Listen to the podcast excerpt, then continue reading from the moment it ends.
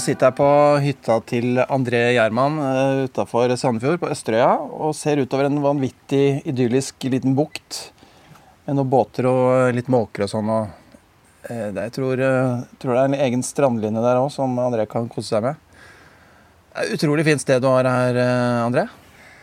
Ja, det er, ganske, det er ganske vanvittig. Jeg kan sitte og se utover hele dagen egentlig, uten å gjøre noe som helst. Det er jo litt Jeg skal fortelle mer om det etterpå, fordi at det er eh, litt sånn eh, CSI Østerøya om dagen. Eh, ja, det var en eller annen kriminalsak? Ja, det, det, det følger vi fælt med på her nå, da, vet du. Det er en kinesisk dame som er forsvunnet fra øya. Og, så det har vært masse politi. Jeg hadde helikopter rett over plenen her for bare noen dager siden. Eller en uke siden, kanskje. Da var helikopteret bare sånn 20-30 meter rett over huet mitt. Og så Men du da... klarte å gjemme deg? ja, ja, jeg fikk gjemt hun kinesiske dama i hvert fall. Nei, så det har vært skikkelig action her ute, men de har fortsatt ikke funnet henne, faktisk. Ja vel, Men du vet ikke hvem dette er? Nei, ingen anelse. Eh, men eh, de har sperra Hun har en familie ute på øya her, så de har sperra den hytta med sånn polititeip, og det står politibil der. Og jeg var i skogen her forleden, da var det plutselig noe politi som løp inn i skauen. Og ja, det er litt, eh, Vi får se hva som skjer. Om hun har, Jeg veit ikke om hun bare har blitt borte, eller om hun er kidnappa, eller om hun er drept, eller Borte er hun i hvert fall. Yes. Ja, det var litt, Så da tar det eh, litt mer enn et kvarter å få kinamat da utpå her. nei da. Ja, det var jo drama. Drama i sommeridyllen. Ja, nei, men jeg må si at det, det, er jo en familiehytte, dette her, så det er ikke noe jeg har, uh, har anskaffet meg på komipengene mine. Nei, det er jo utrolig fin beliggenhet. En svær plen her, og man ser jo rett ut mot vannet. Så det, det er jo Ja, det er helt nydelig. Det er, det er bare... Du hadde ikke hatt råd til å kjøpe dette? Nei, er du gal? Altså, det er veldig få som har råd til det. Men dette var et sted mutter'n og fatter'n kjøpte for uh, eh, 47 år siden. Eh, og da var det ikke så veldig mange som ville ha det, så jeg tror det bare var de som var her på den visningen, egentlig. Eh, og eh, da, det var egentlig et gammelt småbruk. Så det er ganske svært med låve her, og, hvor de hadde høner og griser og sånn i gamle dager. Eh, men han de kjøpte, en som het Sjølund, han var sånn gammel fisker med trebein og papegøye på skulderen, tror jeg. Så han ble 100 år. Og når han døde, så hadde ikke han noe Jeg tror i hvert fall ikke han hadde noe arvtakere, da. Sånn at da ble det solgt. Og da var det først naboen her som kjøpte det, fordi at det var noe Smiths venner som ville kjøpe, og han ville ikke ha de til naboer. Så han kjøpte det, og så solgte han det bare videre til de han ville skulle bo her. Og den, den sommeren gikk mutter'n gravid med meg. Så da, og så hadde akkurat datteren til han naboen da gifta seg, så han tenkte det er hyggelig, da er det noen barn eh, ved siden av. ikke sant? Så han solgte til mutter'n og fatter'n. For en helt komisk sum. Eh, når man tenker på det i dag, i hvert fall. Vi ja, syns jo det var mye penger den gangen, men allikevel eh, altså Når jeg tenker på det i dag, så hadde du ikke fått en gressklipper for den prisen. I hvert fall ikke sånn du sitter på og kjører, da. Hvor mye måtte de gi for det? Jeg mener at det var 70 000 kroner. Men man må huske på at den gangen så hadde Jeg tror faren min hadde 24 000 kroner i lønn da, i året den gangen. Så det var jo penger den gangen. Ja. Men eh, i dag er det jo Trenger ikke gjøre noe mer i generasjoner hvis man selger det. Men dette skal jo ikke selges, så det spiller ikke noen rolle. Nei, det her må man ikke selge, er du gæren. Nei, her er jeg hele sommeren. Folk spør hva, hva gjør du eh, ja. Hvorfor drar du ikke til Syden og sånn? Jeg gidder jo ikke det. altså, her kan jeg bare Selv om det er dårlig vær. Det er alltid noe å holde på med her.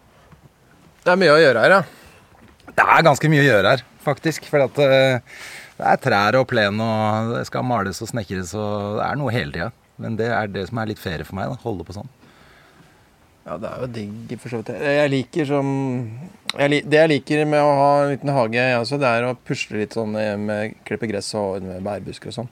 Det jeg syns er litt slitsomt, er at det hele tiden er et eller annet i huset som må fikses, eller som går i stykker, eller, og som jeg ikke har peiling på. Ja, hver gang det skjer noe, så tenker jeg åssen i helvete skal jeg gjøre dette her? Ja, nei, Der er jo jeg litt heldig.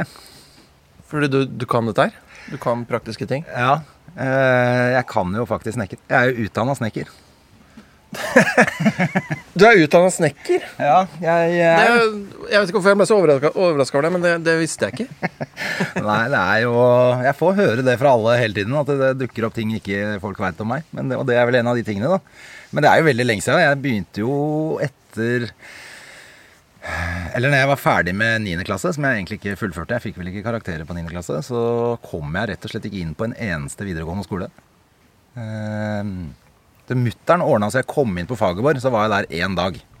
Og så syntes jeg ikke det var noe vits. Så da slutta jeg etter én dag. Så, og så tok jeg, tenkte jeg skulle liksom ta et friår, men det var ikke aktuelt hjemme. Så da sa jeg da må du jobbe. Så mutter'n ordna meg en jobb i et filmselskap, faktisk, hvor jeg skulle løpe med kabler og sånn. Eh, hvor de eh, Altså, planen var at jeg skulle gå i lære for å bli filmfotograf. Noe Ah. som jeg var jævla keen på. Men så klarte han å drikke opp penga, så jeg ble sittende og pakke porno hos det firmaet som, som de delte kontor med isteden. Og da, etter et år, så var jeg ganske drittlei av det, selvfølgelig. Eh, Så da begynte jeg på yrkesskolen, og så tok jeg faktisk hele læra. Og den dagen jeg var ferdig med læretiden min, så slutta jeg hos han gamle mesteren. Som var en skikkelig ass. Han var jævla flink, men han var en sur, gammel gubbe. Så, mm, jeg fikk aldri tatt svennebrevet, da. Å nei, så du er ikke snekker sånn offisielt? Nei, jeg er ikke Altså, jeg er jo faglært, men jeg, er ikke, jeg tok aldri svennebrev. Altså, det er jo bare en sånn ukes oppgave du gjør, da. Men det er jo the story of my life. Eh, Jeg gjorde jo akkurat det samme da jeg senere tok eh, høyskole også. Eller eh, jeg gikk og tok en sånn markedsføringsutdannelse på BI. Og når jeg bare hadde bacheloroppgaven igjen, så slutta jeg. Du slutter alltid når du er i ferd med å fullføre noe, eller i ferd med å begynne på noe. Jeg føler at det kan være litt sånn. Men hvordan reagerte moren din da du slutta på videregående?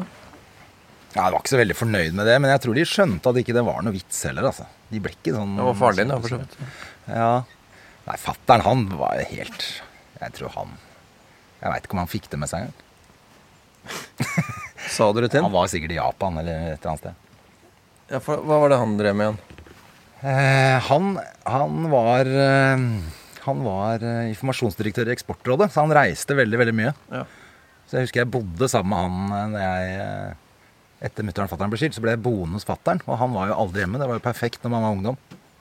Selvfølgelig ikke så veldig bra sånn man tenker på det nå, men for meg den gangen var det jo perfekt å bo aleine i den alderen. Hvor- Hvilken alder var det, var det her, da? Nei, sånn 14-15-16. Og da var du mye aleine? Ja, da var jeg mest aleine. Hørtes ikke ut som oppskriften på noe bra. men- Nei, jeg, eh, jeg ville jo ikke gjort det med eget barn. Eh, Så det ble jo ganske mye rot i den tida. For det er gjerne den tiden hvor all ungdom helst ikke vil ha noen regler og sånn, men hvor de kanskje trenger regler og, og sånn mest. Ja, det er akkurat det. Mens jeg gjorde jo akkurat som jeg ville. Så det var jo kanskje ikke den beste oppdragelsen, det. Ja, men Førte ikke det til litt, uh, litt ymse? Hva tenker du på Agnes Gomsvold? Nei, var ikke, var ikke du med noen gjenger nede på Jo, altså, der og sånn? Jo, jeg kan vel, eh, kan vel trygt si at det var eh, At det var litt ymse. Ja. Det var jo mye rart. Altså, jeg har mye venner som rett og slett altså, det, Veldig mange hadde det på samme måte som meg. At de ikke hadde foreldre som var så mye hjemme. og alle var, Den gangen så jobba jo både mor og far, og alle hadde nøkler rundt halsen og kom og gikk som de ville og sånn. Og det førte til at vi var sikkert 50 ungdommer, 100 ungdommer som hang rundt i det området der og herja. da. Og Var på gata og tulla og tøysa. Og det Urra-gjengen? Var det det? Ja, Urra-gjengen, Frogner-gjengen. Ja. Jeg var liksom fra Uraniborg, da. Så, eh, og det, var, det er klart at det var jo ikke noe bra, det. Det var jo eh, Det var mye drugs og mye sånn gateliv, da. Eh, som ikke alle kom seg helskinna gjennom. Nei. Så jeg har veldig mye venner som ikke er eh, med oss lenger. Det er jo veldig trist, det. Eh, Særlig den perioden egentlig før de døde, når vi så hvor kjørt man blir av det drittet der. Er noe, jeg, jeg husker jeg kom eh, husker jeg kom fra en jobb en gang jeg hadde vært i Nord-Norge og gjort en standup-jobb, og da sto en gammel, altså en skikkelig god kompis som sto på Oslo S i knestående, liksom. Det er ikke noe hyggelig å se sånt. Så, så det er ikke alle som Ja, det var noen som hadde ennå liksom Eller hadde, hva skal jeg si, dårligere med å være i et sånt type miljø, da. Jeg, jeg var sikkert mer forsiktig, da. Jeg vet da faen, jeg. Men eh, Ja, hva var det som gjorde at du kom deg ut av det greiene der? jeg tror jeg egentlig alltid bare har vært jævla glad i å gjøre ting. Eh, så jeg er ikke hypp på å stå og sløse bort tida mi. Så jeg eh, fant vel ganske fort ut Og eh, Selvfølgelig, etter et par venner dør, så finner du også ut at det er dette her noe å holde på med. Eh, men jeg tror jeg alltid holdt på med masse ting. Jeg jobba alltid sånn allikevel, selv om det var mye herjing. Så eh, har jeg alltid jobba og Prøvd å tilegne meg noe kunnskap. Hva gjorde du etter den der snekkerutdannelsen, da? Og den film... Da dro jeg i militæret. Ja. Etter en kort karriere i eh, frukt- og grønnsaksbutikk. Ok. Hvor jeg, for den gangen hadde jeg jo halv meter, lang, halv meter langt hår og var ganske liksom, Det var rock'n'roll. Spilte i band og var sånn lurifaks. Eh, så klippa jeg håret og fikk meg jobb i grønnsaksbutikk. Og jobba der tre måneder, og så dro jeg i militæret. Eh, og når jeg kom tilbake Eller for det første trivdes jeg jævla godt i militæret. Jeg tror jeg kunne gjort en karriere i militæret. Så hyggelig hadde jeg det der. Du ser jo ut som en litt sånn spesialsoldat. Du, du har jo spilt en rolle som eh, noe i den retninga. Det kan vi komme tilbake til. Men hvor var du i militæret? Jeg var i marinen. Jeg var i marinen, jeg. Eh, Bergen, var det, var det det, eller? Eh, Jeg var først, først på Madla, så i Bergen, og så i Tromsø. Jeg eh, og en som het eh, Tor Åge Høymer, vi eh, Han traff jeg på toget til Madla. Og så var vi sammen i 15 måneder. Det var helt komisk. Vi havna på samme rom hele tiden. Eh, veldig, veldig hyggelig. Men vi først så sø Jeg søkte faktisk på befalskurset på Madla, for jeg trivdes godt og hadde lyst til det. Det kom jeg ikke inn på. Så kom jeg på en torpedokurs i Bergen sammen med Tor Åge. Og så fikk vi velge hvor vi ville etterpå. Da valgte vi Tromsø. Og så gikk vi etterpå og så på kartet, da, for vi visste jo faen ikke hvor Tromsø var. så skjønte vi at vi var plutselig helt oppe i Nord-Norge. ikke sant? Men det var jo fantastisk. Tromsø er jo en Jeg, hadde, jeg tror jo Jeg hadde jo aldri vært et år i Tromsø hvis ikke det var for militæret. Det var jo fantastisk kult. Eh, det som er litt rart nå, at det fjellet vi var i, som var sånn hemmelig James Bond-fjell oppe på Olavsvern, det er leid ut russerne nå. Ja, den ubåtplassen? Ja. Så det er litt merkelig. da. Den gangen så var jo liksom hele pointet å holde russerne borte når vi leide ut hele anlegget til dem. Og det går bra med det norske forsvaret? Ja, bare de får eh, nedjustert litt på alle folka, altså. Ja. Ja da. Men eh, ok. Men eh, har vil du ha noe å drikke, eller? Eh, hva, hva har du å by på? Eh, øl. Vann. Øl. Jeg tar vann, jeg, altså. Da henter jeg, Jeg henter jeg henter litt vann og litt Altså, uh, diverse. Jeg tar meg en øl, eller er ikke det innafor nå når det er så fint vær? Yngve? Tar en øl, du. Er du på? Ja. ja da. Nei, jeg trodde dette var en sånn Vi skulle snakke om humor i denne podkasten.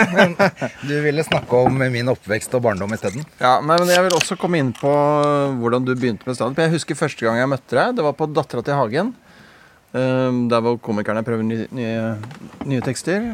Og jeg tenkte jøss, for en eh, For en sånn atypisk eh, standup-miljøfyr. Du ser jo litt ut som en sånn eh, slags dørvakt eller torpedo eller et eller annet. Ja. Men, men da, men, um, da var, du begynt å vanke i standup-miljøet. Men hva, kan ikke du fortelle om hva som var din inngang til standup-miljøet? Jo, det var, egentlig må jeg begynne litt før. fordi at det som var, det som var er at jeg, jeg, jeg har Det har kanskje funnet ut av det etterpå, at jeg har alltid holdt på med å få folk til å le fra jeg var liten. Brukte det som sånn slags våpen. Hvis jeg fikk de større gutta til å le, så fikk jeg ikke bank, liksom. Så da husker jeg at jeg gikk Hvis jeg skulle på fest, f.eks., så gikk jeg jo og lagde meg en sånn slags settliste oppi huet, sånn at de første fem minuttene jeg kom på festen, så bare få alle til å le, så var jeg home free. Følte jeg, da. Ja. Og det funka nok bra også. For jeg husker at det, jeg var, ble liksom populær på å være sånn morsom fyr, da. Eh, og så når eh, jeg var sånn 20 kanskje, og kanskje litt før det òg, så husker jeg at jeg så noe standup på MTV. Og jeg tenkte sånn Fy faen, det er det der. Det er det jeg har lyst til å gjøre. Jeg tror Det var Robin Williams, og så var det Andrew Dice Clay. var de to jeg så satt oppe midt på natta. Fordi vi sendte det klokka ett på natta eller noe. Fordi at det var eh, explicit language. Og da eh, Da fantes jo ikke det i Norge i det hele tatt. Så da jeg skjønte jo ikke at det, jeg skjønte jo ikke at det gikk an å gjøre det engang. Altså, det, det var ikke noe Jeg bare tenkte at det har jeg lyst til. Så gikk det jo veldig mange år. Og så når Når eh, Latter åpna, da, så søkte 2004? Ja, så søkte jeg jobb der, jeg. Som, eh, for da hadde jeg jobba med PR og sånn. Og salg og markedsføring og Så jeg ble salg- og markedssjef på Latter når det åpna. Det var jo bare tull, for det det endte med, var at jeg satt i billettluka. Eh, Og det var jo helt uinteressant for meg. Men det, det jeg skjønte da, var jo at jeg skal jo ikke jobbe bak i dette greiene her. For jeg så jo folk på scenen og tenkte det er det jeg har lyst til å gjøre. Sånn at da, allerede da var det satt et eller annet eh, fyr på blusset, egentlig. For at det var det jeg ville. Så tenkte jeg, ble jeg jo kjent med noen komikere mens jeg jobba der. Og så fikk jeg mulighet til å skrive litt for en annen komiker. Og eh, Hvem var det? det var Janne Rønningen. Eh, som gjorde noen av de tekstene på Lille, husker jeg. Hvor jeg var med og så på det og drakk øl og syntes det var jævlig gøy at hun fikk folk til å le med mine, det jeg hadde skrevet. da. Og så skulle jeg være med henne ned på røret også for å se at hun skulle gjøre det på nytt. For å liksom teste ut videre. Og da sa hun i pausen sånn Faen, kan ikke du bare gjøre det sjæl, da? Det er dine tekster, det passer bedre til deg. og Eh, bare jeg ordner så du får en spot etter pause. Og så gjorde jeg det. Da var det Svein Iversen som dreiv det, og han bare ja, ja, ja. Det er jo kjempehyggelig. Kjør på. Så gønna jeg meg et par øl og pugga tekst, og så gikk jeg på og gjorde kanskje sju minutter. Og det, jeg fikk noen lattere. Det var sikkert helt eh, ræva, men eh, folk lo i hvert fall kanskje to ganger, da. Det er nok når man er klin ny. Ja. Og etter det så var det bare Da bare rulla det på. Da tenkte jeg at jeg, jeg skal ikke gjøre noe annet. Det er dette jeg vil. Eh, og sånn ble det. Det er 11, snart 12 år siden. ja, og Hva tenker du nå, hvis du ser tilbake på standup-karrieren din så langt? Det som er gøy, som jeg tenker, og det gjør sikkert alle når de begynner, er sånn Om ett år skal jeg sette opp mitt eh, første show. Det er jo da også 11, snart 12 år siden. Jeg har fortsatt ikke gjort det. Det irriterer meg litt at ikke jeg har gjort. Eh, Det har jo vært muligheter noen ganger også. Og det er ikke for seint. Men, eh, men jeg har jo vært fått lov, heldigvis fått lov å være med på jævlig mye gøy, da. Som jeg ikke ville mm, gjort ellers. Det, det er kanskje det jeg syns er råest med den bransjen. At du går inn og tenker at det er jævlig gøy å gjøre standup, men så får man lov å være med på så jævla mye annet gøy òg. Som liksom kommer av at man er i et sånt miljø. Eh, altså Ja, alt- for eksempel, hva, hva er det altså, som er alt gøy? fra å gjøre et eller annet på radio, eller at du er på en reklamefilm for den saks skyld, eller du Nå har jeg vært heldig å få spille flere sommershow eh, både på Latter og i Grimstad. og Sammen med andre kule komikere. Som, det, som den gang jeg tenkte sånn Det var jo på en måte litt sånn helter også. Noen, noen av dem i hvert fall. Og det er jo veldig kult, det. da Å få dra på Eller dra på juleturneer med noen av de du har sett opp til. Og gallaer med folk du aldri ville trodd du skulle være på scenen sammen med. Det er, jo, det er jo veldig gøy, alt det som skjer Ja. når man først satser. Eh, fordi det er jo en litt sånn scary bransje å satse i også. Men man veit jo ikke. Nei. Det kan jo bare gå Du bare blir gående i ti år og det ikke skjer en dritt. Eller altså, du gjør jo fortsatt standup, og det er jo det som er gøy. Men man vil jo gjerne ha noe progresjon i den jobben her òg, da. Du har jo lagd flere turneer og sånn nå, du. Med Svenske komikere og sånn. Ja, det, men det var det som var litt gøy i starten. Så følte jeg at jeg hadde sinnssykt sånn driv. Selv om kanskje ikke jeg var eh, god nok sjøl. Men jeg fikk liksom dratt i gang ting. Det er jeg litt stolt av nå. Blant annet den turneen du nevnte nå med Det var med Øs Nugent, Jonathan Unge og Aron Flam, som er tre svenske komikere, hvor vi lagde en ja, vi lagde en turné som var eh, Vi kaller det jo turné i Norge, da, når du er ute lite grann. Men, ja. så det er, jo, det er jo ikke en sånn turné med, hvor du kjører buss og er borte i to år, liksom. Men, eh, men vi fikk i hvert fall Jeg vet ikke hvor mange show det ble til slutt, men det ble i hvert fall rundt om eh, i masse byer i Norge. Og ja, det, var- det, var liksom, det var liksom starten på sånn at det virkelig For da husker jeg Norge blant annet liksom syntes at det var på tide å begynne å bruke meg litt mer. Og. Ja. Så det er viktig, jeg tror det er viktig det, det må være eneste rådet til folk som er nye nå også. Det er bare sånn sett i gang sjæl. Og det gjør jo, de er jo veldig flinke til det. Masse nye klubber nå.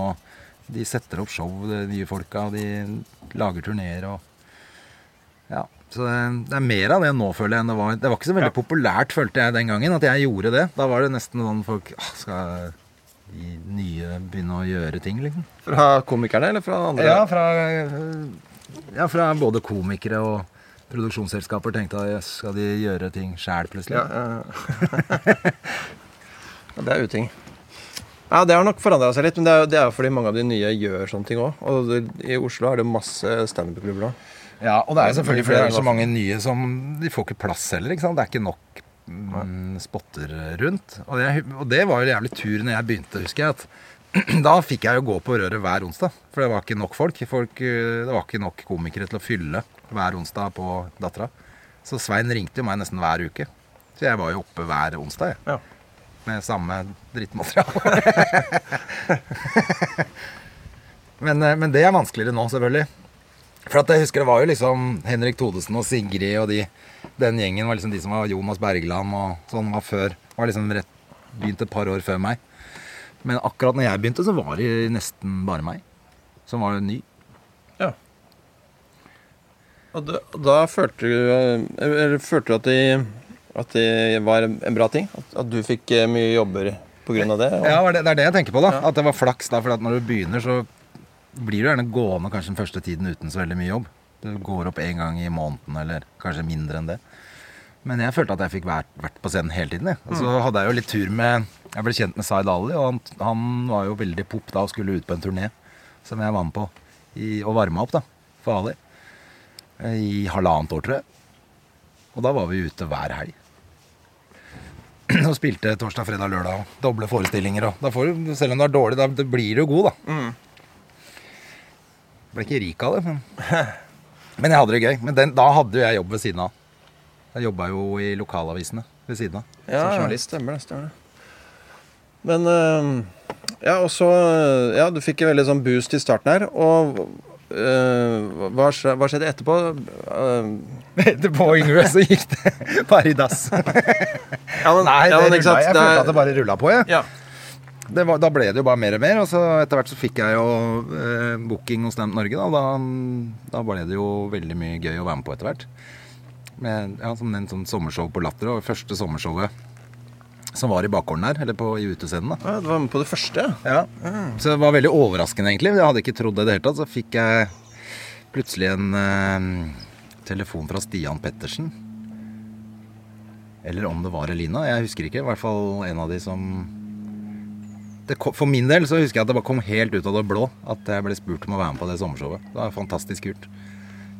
Eh, Sammen med Terje Sporsem og Åsleik Engmark og Lisa Tønne. Så lagde vi første Sommerlatter, som var i 2010. Og spilte da hele den sommeren her eh, eh, på utescenen. Det var fantastisk kult.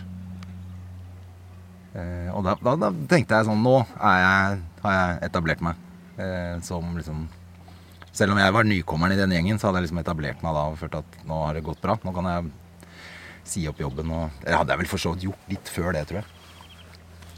Hva fikk, hva fikk du å si for karrieren din, da? Fikk du, fø- Følte at du fikk etablert navnet ditt bedre? og Fikk du mye jobber av det? Ja, jeg, jeg tror at det, at det ga en skikkelig boost. Også fordi det var første gang jeg ble anmeldt i aviser. Og fikk veldig hyggelige anmeldelser både Dagbladet og VG. Eh, så, så var jo det Jeg ble dratt frem da som ja, et nytt talent. da Det er jo veldig hyggelig, det. Det er klart at det blir lagt merke til, i hvert fall. Og, og særlig i bransjen og sånn kanskje også. At folk ser at å ja, da har du tatt neste steget, da. Men hva føler du er neste steg nå, da? Det er eget show. Jeg irriterer meg over at jeg ikke har gjort det før, egentlig. Det må være det. Eh, Men det er, jeg syns det er eh, Jeg synes det er beinhardt å finne ut hva jeg skal snakke om. Ikke nødvendigvis å Jeg må først liksom finne et eller annet tema jeg liker.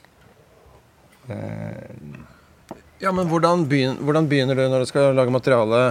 Hva, eller, altså, jobber du annerledes når du skal sette på et helt show? Da tenker du at du må ha en overbygning enn hvis du bare skal lage ti minutter til uh, latter? Hvordan, hvordan går Ja. du frem når du skal lage nytt materiale? litt krokete i ryggen og Jeg tenker mer på frem, fremgangsmåten. Fremoverlutet. Ja. Vi må innom, eh, innom KLM eh, nå, når vi, når vi har dratt opp eh, noe derfra. For at jeg Det var en referanse fra KLM, ja. Ja. Vi er veldig fan av radiotinga, spesielt til KLM. Ja, ja men det, må, det var det og Harald Heide Steen, platene til Harald Heide Steen. Ja, de var- platene, også Riksturistsjefen. Ja, og Riksturistchef. hele ubåtkjøret og de der de highlightsene hans. Ja. De var jo på plate. Og Ja, de, det var- det var hørte- fantastisk. Jeg kunne jo det, alt det der Ja, utenat. ja. Og det må, det må jeg si. Altså, selv om uh, han er Selv om han eh, Mjøen, Lars Mjøen sitter og er sur nå, så er han en helt, altså. Jeg kunne de platene der eh, utenat. Jeg Ja, satt jeg også. bakerst i klasserommet og gjorde alle sketsjene deres sammen med en kompis i klassen. Ja, Eh. I årevis, liksom. Det var jo det som fikk meg gjennom skolen. Men du, jeg tror vi har det på litt samme måte, fordi jeg hadde også en kompis som kunne som, øh, Vi kunne alle de tingene deres. Og hvis vi hørte bare noen sa noe med samme tonefall som en sketsj Så begynte man å le. Og så kunne man si alt det de Jeg befinner meg nå i Jeg befinner meg nå i Vestfold. Her. Hvem er dummest, hvem er dummest i Vestfold? Ja, ja, det- Ja, det var mye. Men, men det er derfor syns jeg det er så synd at han sitter og klager på nye komikere nå. For da, da tror jeg ikke han skjønner hvor mye de har betydd for eh, humoren i dag. da. Han burde bare lene seg tilbake og tenke at eh, så kult at vi kunne være med å lage det som er humoren i dag. For det hadde ikke blitt det uten dem. ja, vet du. Tror jeg, i hvert fall. Eh, hvor var vi? Nei, vi var ved um, neste sted ja, Hvordan du jobber med Hvordan jeg går frem? ja, ja. Nei, det er jo det. Jeg har jo ikke skrevet mitt eget eh, liksom, show. Men jeg har jo gjort man, ah, De som har holdt på lenge, har jo gjort en time mange ganger. Det er ikke det som er problemet. Det jeg tenker er at jeg har lyst til at det skal være en slags rød tråd, kanskje. Da, og at det liksom er et eller annet kanskje Om ikke et tema du må liksom følge helt sånn slavisk, men i hvert fall litt. Og det syns jeg er vanskelig, fordi, og det er sikkert bare fordi jeg ikke har gjort det. Det er bare å komme i gang. Ja, men er ikke det sånn som skal komme etter hvert, da? Sånn øh, rød tråd og sånn? Når du ser hva du har av materiale, tenker jeg. Dette kan du mer om enn meg, Yngve. Nei, jeg veit egentlig ikke. Men, men, Jo, nei, men det er når du skal det. skrive standup-tekster, da, hva, hvordan gjør du det? Hvordan får du en idé, og hva, hva gjør du med den? Det, er det, det har jeg opplevd i hvert fall særlig i senere årene. At jeg er ikke så god på å sette meg ned bare skrive. Jeg må oppleve ting. Eh, fordi at jeg syns den beste standupen jeg gjør, er der hvor det er noe ekte Hvor jeg forteller rett og slett ekte ting som, har, som jeg har opplevd. Jeg er ikke noe god på sånn politisk satire og, og, eller figurer eller eh, sånne greier. Altså Det må være ting som jeg opplever. Som, og det er den standupen jeg syns er kulest òg. Når jeg ser Bill Burr, så, mer, så merker jeg at han det er liksom han, det han har opplevd, som er kult. Om han har møtt noen eller opplevd noe rart, så er det det som blir gøy. Hva slags ting er det, er, kan det være? Er du avhengig av å oppleve noe spektakulært, eller kan du lage materiale av noe kjedelig du har opplevd? Ikke sant? Jeg tenker da, da har mye større tilfang da, hvis du kan lage standup av at du søler kaffe ved frokosten. liksom. Da har du en tekst der. Og... Ja, nei, Kanskje ikke akkurat søle, kaffe sølekaffe, men, men eksempel hun kinesiske dama nå, da, så merker jeg at da bobler det med, med vitser oppi huet mitt, liksom. Og, om, og det er mørkt. Jeg liker jo ofte litt Alt mørke ting. ting. tidlig, eller?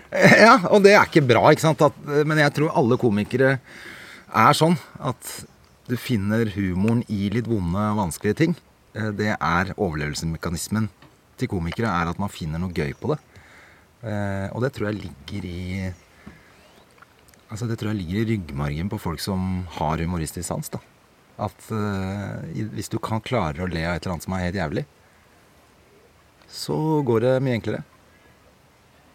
Men eh, og, der, eller, og derfor så tror jeg at sant, i de, i de verste, når de, verste tingene skjer rundt i verden eller i, her hjemme eller hvor det måtte være i familien din Hvis du klarer å gjøre noe humor på det, så går man videre liksom, og ler seg gjennom det òg, på en måte. da. Og jeg, jeg er i hvert fall veldig sånn. Jeg merker at jeg er mye flinkere til å finne humor i litt sånn mørke ting. Og så merker jeg at av og til så kan man ikke gjøre det på scenen.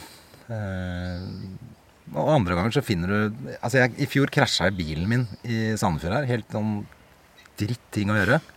Men det ble en jævla morsom tekst ut av det. Det var jævla mørkt da, for det er dyrt og døvt. Og bare så alle penga fløy ut av vinduet på noe du bare har skyld i selv, da. Eh, og ja, hvis man har litt dårlig råd da, så er ikke det noe kult. Men hvis du klarer å finne noe humor på det, så har jeg jo faktisk på en måte klart å tjene penger på det til slutt, da. det er bra. Ja, da. Det er typisk standup-komikere alltid tenke sånn hvis det skjer, skjer noe kjipt, så tenker man ja ja, det kan bli materiale av det, liksom. Men hva med, hva med livssituasjonen din? Du er jo alenepappa. eh, du er singel. Er, er det ikke en del ting å ta, ta deg? Jo, og det har jeg gjort veldig mye på det singelgreiene. Jeg merker Ja. det er litt sånn ferdig Ja. Jeg syns det er litt kjedelig. Ja. Eh, hender at jeg raskt liksom drar det opp. Hvis jeg skal gjøre en time et eller annet sted, og så trenger jeg å dra opp noe, så må jeg jo gjøre det. Men eh, Ja. jeg merker at jeg har mest lyst til å ikke si et ord om det lenger. Mm. Hvis ikke det handler Jeg kan gjerne snakke om det å være alene. Men det der sånn snakke om damer og sånt, det er kjedelig. Mm. Ehm, det er mye gøy der, da. Selvfølgelig. Fordi at Jo, men det er jo det når man er Du veit åssen det er. Alle har jo vært aleine en eller annen gang. Og det er jo veldig mye eh,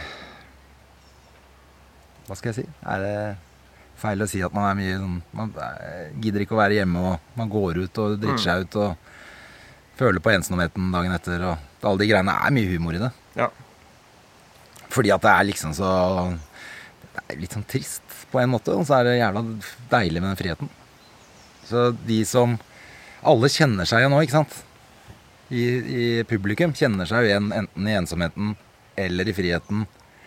Eh, Så man kan tulle med de som har et forhold, hvordan de kjeder seg, og spille på de stereotypene der. Eller man kan spille på de som er single og kjenner på ensomhetene, eller at man drikker for mye, eller at det er kjedelig en fredag kveld aleine, eller ja. Men nå har jo jeg heldigvis det lille barnet mitt, da, som gjør at jeg føler meg ikke så veldig ensom. Nei. Så jeg føler bare friheten, jeg. Det er det som er problemet. Ja, er, ja, ok, Så det er et problem at du har for mye fritid når du ikke har, har henne? Nei, jeg, mer at da er det deilig å ha den fritiden og ikke måtte forholde meg til et annet menneske i tillegg. Ja, du tenker i forhold til Det, det er forhold til å ha forhold, ja. Ja, sånn, ja. Jeg er jo tydeligvis verdens dårligste på forhold, da, siden jeg har vært så lenge aleine som jeg har. Hvor lenge har du vært alene nå? Altså, jeg har jo hatt noen forhold, men jeg ble skilt i 2004 eller 2005. Og jeg har ikke hatt noen Jeg har ikke bodd sammen med noen siden det. Nei. Men jeg har jo hatt, altså, jeg har jo hatt forhold etter det. Fikk du hele greia litt i vrangstrupen, kanskje? Eller eh, er ikke jeg noen sånn psykolog her, men eh, ja, hobbypsykolog tydeligvis. Nei. Nei, jeg tror ikke det. Jeg vet da faen. Jeg tror bare at eh, det var jo i samme det var i samme omgang at jeg begynte med standup, og da ble jeg litt sånn gift med jobben også. Synes den der, altså var mye ute og reiste, og det er eh, Det blir jo et annet liv, da. Plutselig jobber du kvelder og helg, og all den tiden når andre folk har fri, så jobber jo vi. Mm. Så det er ikke så lett heller. Men når du, når det er For da har du datteren din ja, Det er ikke én uke av og én uke på? Nei, vi løser det der litt annerledes. Ehm, men jeg ser jo henne veldig mye. Og så, og så eh, styrer vi det litt etter hvordan jeg jobber, og hvordan mammaen hennes jobber. Og. Men når, når du da er aleine, får du da god mulighet til å konsentrere deg om å jobbe? Skrive materiale og sånn, eller hvordan fungerer det? Eller er det sånn plutselig Å, nå vet jeg ikke hva jeg skal gjøre, fordi huset var fullt av liv, og så sitter jeg her Ja, den første tiden kan være litt altså, Akkurat hvis jeg har levert, så syns jeg det er, da er det litt stille. Så da må jeg liksom skru om hjernen på å være aleine igjen. Og, så, og savne litt og sånn. Og så kan jeg begynne dagen etter å, å jobbe, egentlig. Men eh, jeg syns jeg jobber best når jeg har mye å gjøre. Og det er jo litt sånn problem i den bransjen vår. At vi vet jo aldri I hvert fall ikke bestandig da, hvor, når du har mye å gjøre. Eh, Nei. og jeg er jo veldig dårlig på sånn organisering og planlegging og sånn. Jeg har jo aldri, Før jeg fikk barn, så tenkte jeg jo ikke lenger enn til i morgen. Så det er jo først jeg, etter jeg fikk barn at jeg har begynt å tenke mer, liksom, litt lenger frem. da Noen år frem og sånn. har jo vært helt Det har vært helt ute for meg å gjøre. Og det syns jeg kanskje egentlig er en god egenskap. Mange vil tenke at det er en dårlig egenskap at man ikke planlegger noe som helst, men da lever man jo her og nå, da. Og så må man jo svi for det innimellom, selvfølgelig, men Men det, jeg føler at det er verdt det. Skal vi ta en liten uh, kaffepause? Ja, gjør det. Da er vi tilbake fra pausen. Vi tok en liten kaffepause. Nå drikker vi litt mer kaffe. Eh, Men nå er det ikke pause lenger, altså. Ja, men Du har, du har gjort standup eh, i New York, eh, tenkte jeg å spørre deg om. Åssen var det? ingenting å skryte av. Eh, absolutt ikke. Det er, men det er gøy å ha gjort det, og kunne si at man har gjort det. Men det var jo på en bitte liten drittklubb. Eh, men, men det som var Altså, det var jo første gang jeg gjorde det på engelsk, så det var jo ganske stress. Eh, men å si liksom Du har gjort standup i New York. Ja ja. Men altså, du kunne like godt ha gjort standup på en buss i Norge på engelsk, da. Det er bare tull. Men det er gøy å ha gjort det. Eh, og jeg, etter det tenkte jeg sånn Jeg skal ikke gjøre det på engelsk noe mer. Men så fikk jeg et tilbud nå rett før eh, jul om å, om å dra til Budapest og gjøre standup på engelsk. Eh, og da tenkte jeg sånn Jeg må bare hoppe i det. og prøve igjen. Og det gikk litt bedre, altså. Det, var, to, det var to show. Var et, først var det ett show på norsk for studenter, og så var det to show dagen etter på engelsk for alle, som var åpent, da. Og det første gjorde jeg ganske sånn passe. Jeg fikk jo folk til å le, men jeg følte at jeg var veldig stiv og snakka dårlig engelsk. Og så på andre showet så slapp jeg meg mer løs, og så gønna jeg på. Og da gikk det faktisk jævla bra. Da tenkte jeg sånn faen, dette har jeg lyst til å gjøre mer. Ja. Så var, jeg er veldig glad for at jeg sa ja til det, for å gjøre det på nytt. For den Altså, det gikk greit når jeg gjorde det i New York òg, men jeg hadde ikke noen sånn godfølelse, egentlig. Altså, at dette var noe jeg har lyst til å holde på med. Men nå fikk jeg mer sånn Faen, dette kunne jo vært gøy å gjøre eh, på nytt. Så vi får se. Det er ikke noe, jeg, har tenkt, jeg har ikke tenkt å gjøre noe karriere på engelsk, men jeg syns det er mer enn nok å gjøre på eget språk. Men eh, hvis du hadde vært yngre, hadde du vurdert det da, tror du? Og, Jeg tror hvis jeg hadde vært eh, 22 i dag, så hadde jeg flytta til New York for et år. Bare Ikke for nødvendigvis for liksom, at man tror at man skal bryte gjennom, for det er så jævla mye komikere der borte. Men, men fordi det hadde vært gøy. Altså Sånn som andre tar et år og studerer, eller Så hadde det vært som en studiegreie, liksom. Det tror jeg hadde vært sinnssykt fett. Pluss at New York er jo en sinnssykt kul by. Så det kunne jo vært perfekt å blande de to. da Få bodd et år i New York og gjort det man vil. Og så dratt hjem med lue i hånda etterpå. Men ja, men eh, hvilke komikere er det du eh, har som forbilder, forresten? Eller har du noen forbilder, eller hvilke komikere er det du syns er eh, morsomst? sånn utenlandsk eller Ja, begge deler. Begge deler. Det er egentlig ganske mange. Altså. Jeg syns det er jævla mye flinke folk her hjemme. Eh, men som forbilder så jeg, jeg vet ikke om jeg har så mange forbilder Vanskelig å si, da. For at, eh, man har jo hatt det, men så blir det litt sånn Nå kjenner man jo alle, så blir det litt rart å si at man en kompis er forbildet ditt. Men eh, det er klart, før jeg begynte, så husker jeg da var det liksom Da var det Gjertsen og Dagfjell Lyngbø og de som hadde holdt på lenge. Jon Skau og sånn. Og så har jeg liksom vært Det er ikke fortsatt jævla flinke folk, men det blir ikke sånn forbilde lenger. Eh, fordi man har jobba sammen og kjenner dem bedre. Men er, de er jo fortsatt drita flinke, og man ser jo opp til dem allikevel. Og i utlandet så er det mer det, Man ser jo på standup med nye øyne. Når man driver med det selv, så ser man det på noen faglige øyne. Og dermed så er alle litt i samme båt. Mm. Eh, men det er klart, i utlandet så er det noen Altså det er jo noen jeg syns er sinnssykt bra. noe som Bill Burr og Jeg har aldri vært så stor fan av Louis CK. Selv om eh, Så jeg ser jo at han er dritbra, men alle syns jo han er fantastisk. Og jeg er ikke li... Jeg syns det er jævla mye eh, Altså ikke at han er Det er jo ikke dårlig. det er ikke at jeg kjeder meg, men eh, jeg syns det er mye sånn kvinner og menn, og jeg har barn som sier rare ting, og tissa på barnet mitt, eller Altså, det er, det er ikke min greie. Da syns jeg Bill Burr er mye mer spennende. Men, eh, men uansett, da, så er det, det Det er jo helt rått å se. Det jeg syns er, er eh, veldig gøy med utlandet, er jo som f.eks. han Kevin Hart, som jeg ikke skjønner en dritt av, som er, nå er den største av alle. Mm. Eh, og så skjønner jeg ikke noe av det. Hvorfor det er gøy. Nei, ikke heller. En merkelig ting. Eh, og før så var det selvfølgelig de Jeg nevnte jo Andrew Dice Clay og Robin Williams, og så var det selvfølgelig eh, eh, Eddie Murphy og, og eh, Hva heter han som Eddie Murphy har stjålet alt av, holdt jeg på å si? Eh, Ja, hvem nei eh, Åh. ja, det er jo helt latterlig at det ikke Er det en han har stjålet ting fra? Ja, han er veldig lik eh, Han er jo veldig lik Richard Pryor. Å ja. Ja, sånn, ja.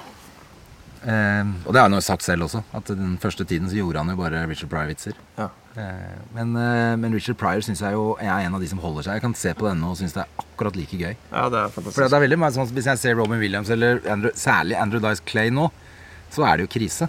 Ja, ja. ja. Eh, Veldig men jeg 80-talls. Ja, for jeg syns jo det var fantastisk i 89, men i dag holder det holder jo ikke vann i det hele tatt. Nei. Det som holder vann, er den nye serien hans på Netflix, som heter Dice. Ja. Hvor han gjør narr av seg selv. Okay. Hvor han driver og gjør show i Las Vegas og er bitter på at han ikke fyller eh, Madison Square Garden lenger. Så han sier hele tiden sånn Don't you know who I am? I used to fill up Madison Square Garden. What happened to me? I'm fucking believable. Men, eh, så det er litt gøy da at han har en litt sånn revival med den serien sin. Det syns jeg er jævlig kult, faktisk. Ja, det er kult. Men, eh, men ja, sånn at eh, det er vanskelig å si forbilder. Så jeg, det er nesten sånn at jeg, hvis man skal si forbilder, så er det sånn helt tilbake. Eh, Det er jo litt flaut å si det, kanskje, men, men de som formet min humor og gjorde at jeg syns humor var rått, det var Harald Heidesteen jr. og KLM og det, ja, og de der gamle greiene. da. Jeg kan fortsatt le masse av de der platene. Men hva med jødiske komikere? Du er jo en av få, ganske få jødiske komikere i Norge. Er det ikke bare to? Du og Jeg og Cess. Cess. Jo. Eh, Det er jo ingen av oss som snakker noe særlig om det. Og det er eh, samme med altså Jerry Seinfeld, altså jødisk komiker. Han snakker jo ikke noe om det. Nei. I Seinfeld-serien så tuller de mye med Florida og at det er sånn retirement home for alle de gamle jødene. Men ellers er det ikke så veldig mye med det. Så, um, fordi at jeg tror ikke vi tenker så forbanna mye på det. Jeg hadde jo en liten periode Den der turneen med de svenskene, det var jo, var jo, handla jo mye om det. Eh, For da var vi jo tre jøder og en muslim på tur. Eh, Sånn at det ble naturlig at det var en del av temaene. Eh, Men altså hvis man ser på den amerikanske scenen, da, så er det jo sinnssykt mye jødiske komikere. Mm. Og det er, jeg tror det er en sånn fortellertradisjon som ligger i den, eh, i den kulturen, rett og slett. Eh, At det alltid har vært mye De har hatt det så mye dritt at de må i hvert fall ha mye humor for å komme seg gjennom. Og det går bare litt i arv.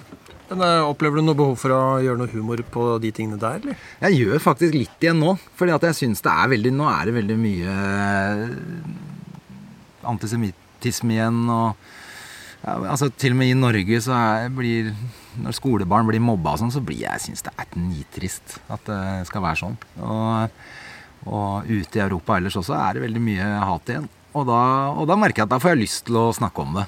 Ehm, Men jeg er jo verken religiøs eller eh, særlig opptatt av det. Og da, så jeg vil jo ikke satt opp et show som handla om det nå. Men å dra det opp som en sånn liten ting innimellom, det er gøy. Det, det syns jeg er gøy. Og det er også fordi at eh, jeg opplever jo at mange andre syns det er interessant. da. Og, og eh, ja, det er både interessant og kanskje til og med litt sånn fremmed. Eh, at de blir tatt litt på senga når man snakker om det. Ja. De blir overraska. Hva, hva slags ting er det du snakker om da? Det kan være de enkleste enkleste greier, egentlig. Ja, greie nå med at jeg ble At det var en sånn eh, fyr som satt og spilte trekkspill. Sånn, når jeg og Hedda gikk forbi, så, begynte han å, så slo han om låta til en sånn jødisk eh, låt. da Og så satt han og lo, liksom. Så han, han så tydeligvis at, at jeg eh, så jødisk ut, da. Så han, og så lo han liksom av det og spilte en sånn så, altså, ja, så har jeg lagd en greie på det. Det var, det var veldig gøy, for jeg begynte å le også. Han gjorde det som en gest, Ja, men også som litt sånn mobbing. Ja. Ikke, men en hyggelig mobbing, form for mobbing, da. Så har jeg, gjort, jeg har gjort om vitsen til at han gjør det på kødd og. Sånne små ting som skjer på sånne greier som det, syns jeg kan være veldig veldig gøy. Selv om jeg ikke er verdensmester på sånn observasjonshumor, så er sånne Da syns jeg det er gøy. Mm. Du har jo eh, Altså, du er jo sønn av Mona Levin. En av. Norges eh, fremste scenekritikere. Og så er du barnebarn av Robert Levin. Ja. Eh, berømt pianist.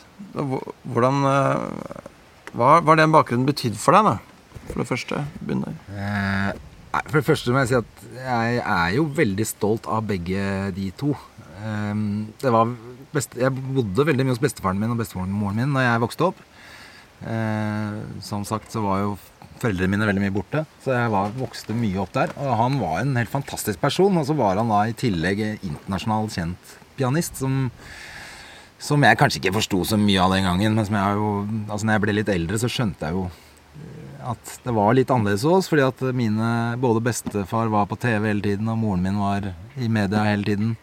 Så det var jo litt eh, Det var jo litt spesielt, det, selvfølgelig. Jeg husker jeg var veldig sånn De lagde Det var jo alltid ja, Hvis man skulle tas bilder hvis man var på noe. og jeg syns det var helt dritt, husker jeg. Å måtte være med og stille opp og stå der og smile med bestemutteren eller Nei, eller med bestefaren min eller mutter'n på en eller annen premiere, liksom, på et eller annet. Eller Syns det var helt crap.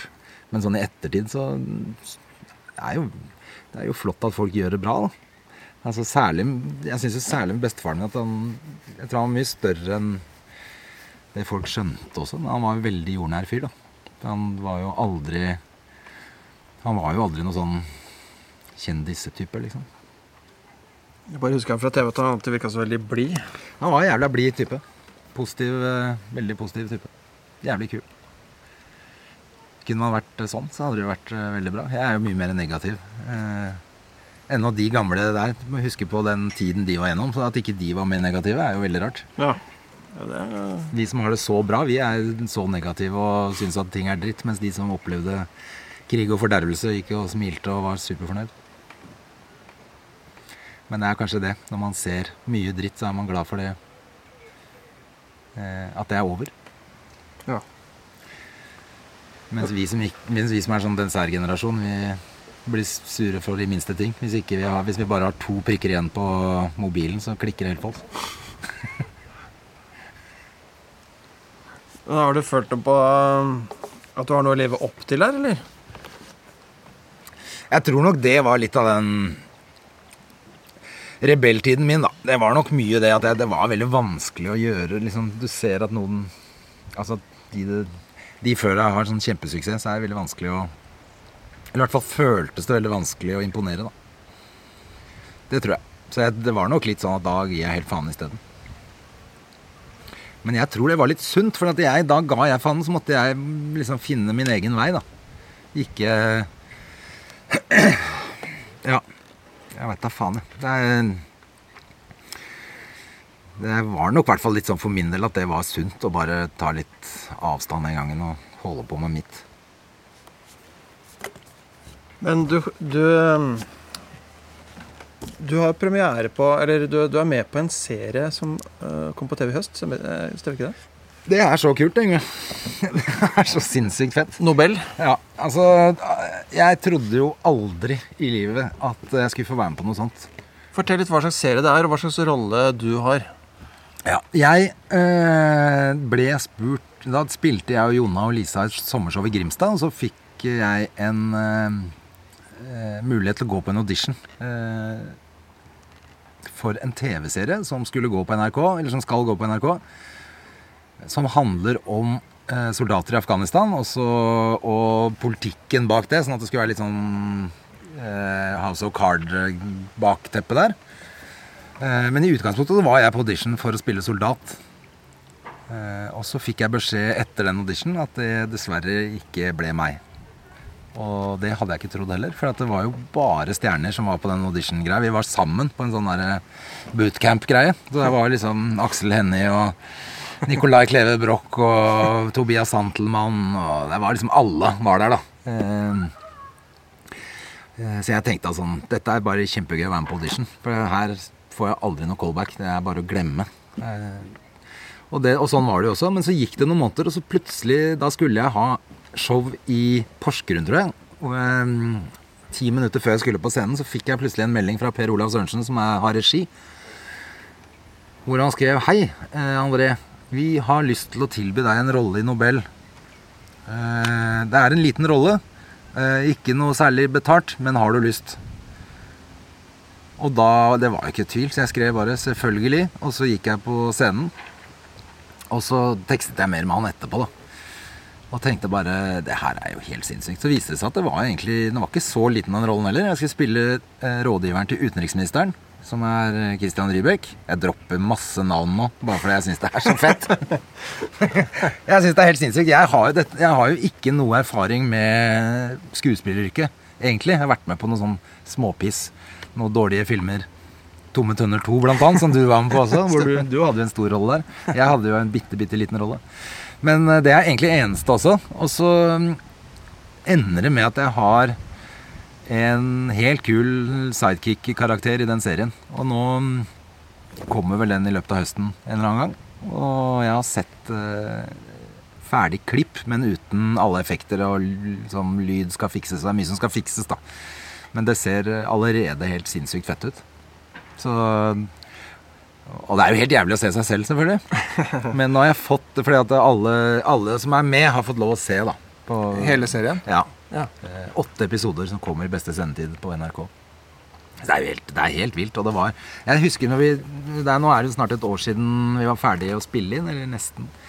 Eh, og da husker jeg at jeg tenkte sånn Det spiller ikke noen rolle om dette her kommer på TV engang, for dette har vært så jævlig gøy å være med på. Og bare få lov å være med på eh, produksjonen var Jeg tenkte sånn Hvis ja, hvis det ikke hvis, de, hvis jeg får en telefon og er sånn Nei, vi gidder ikke, å dette blir ikke noe av. Så hadde det vært helt greit.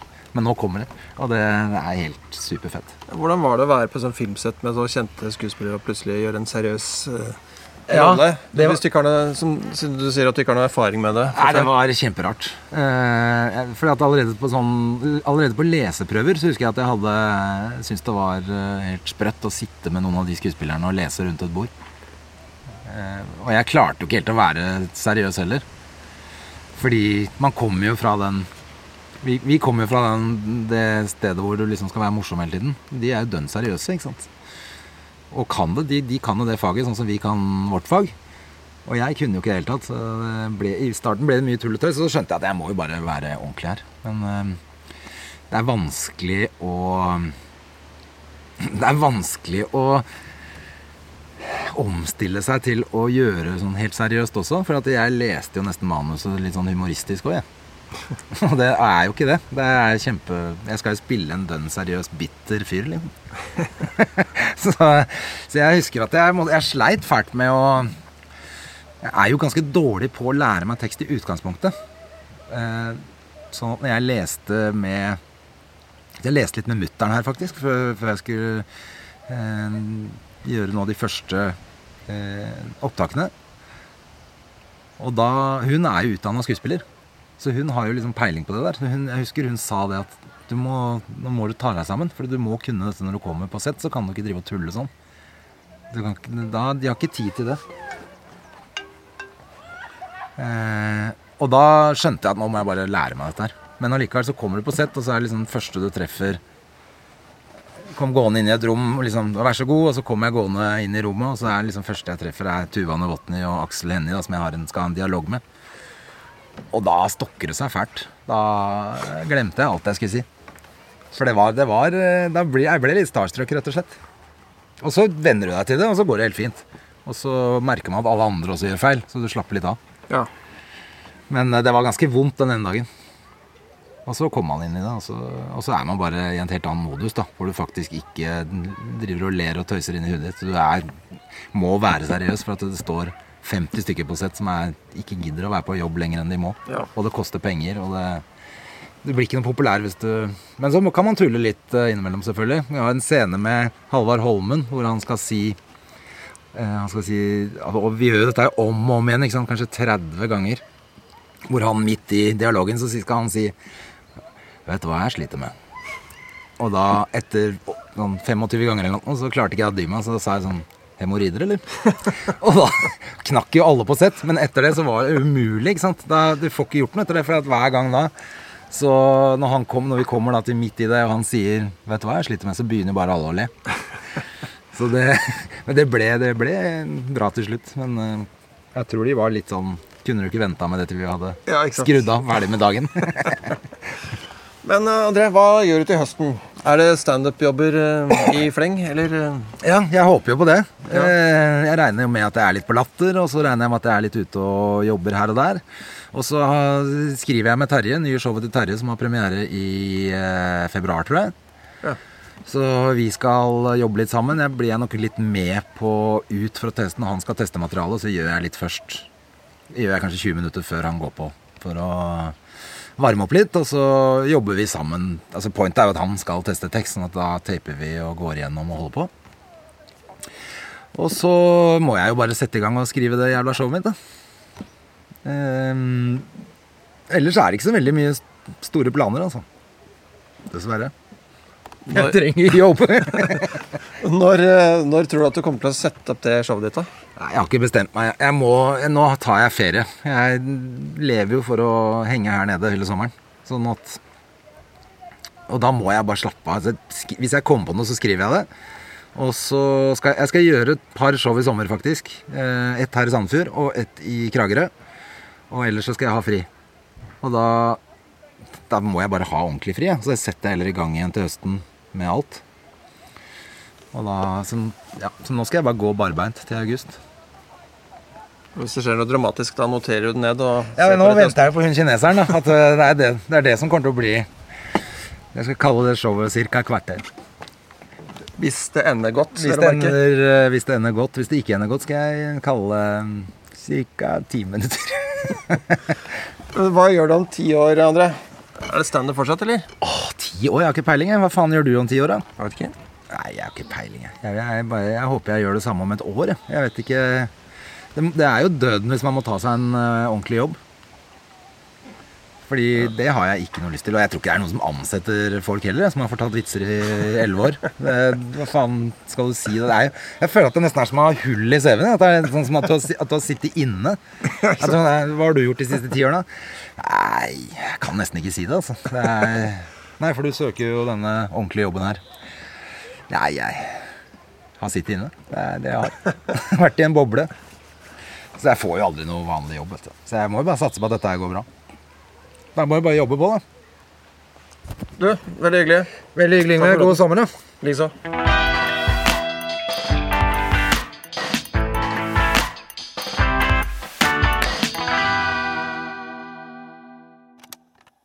Produsert av Ora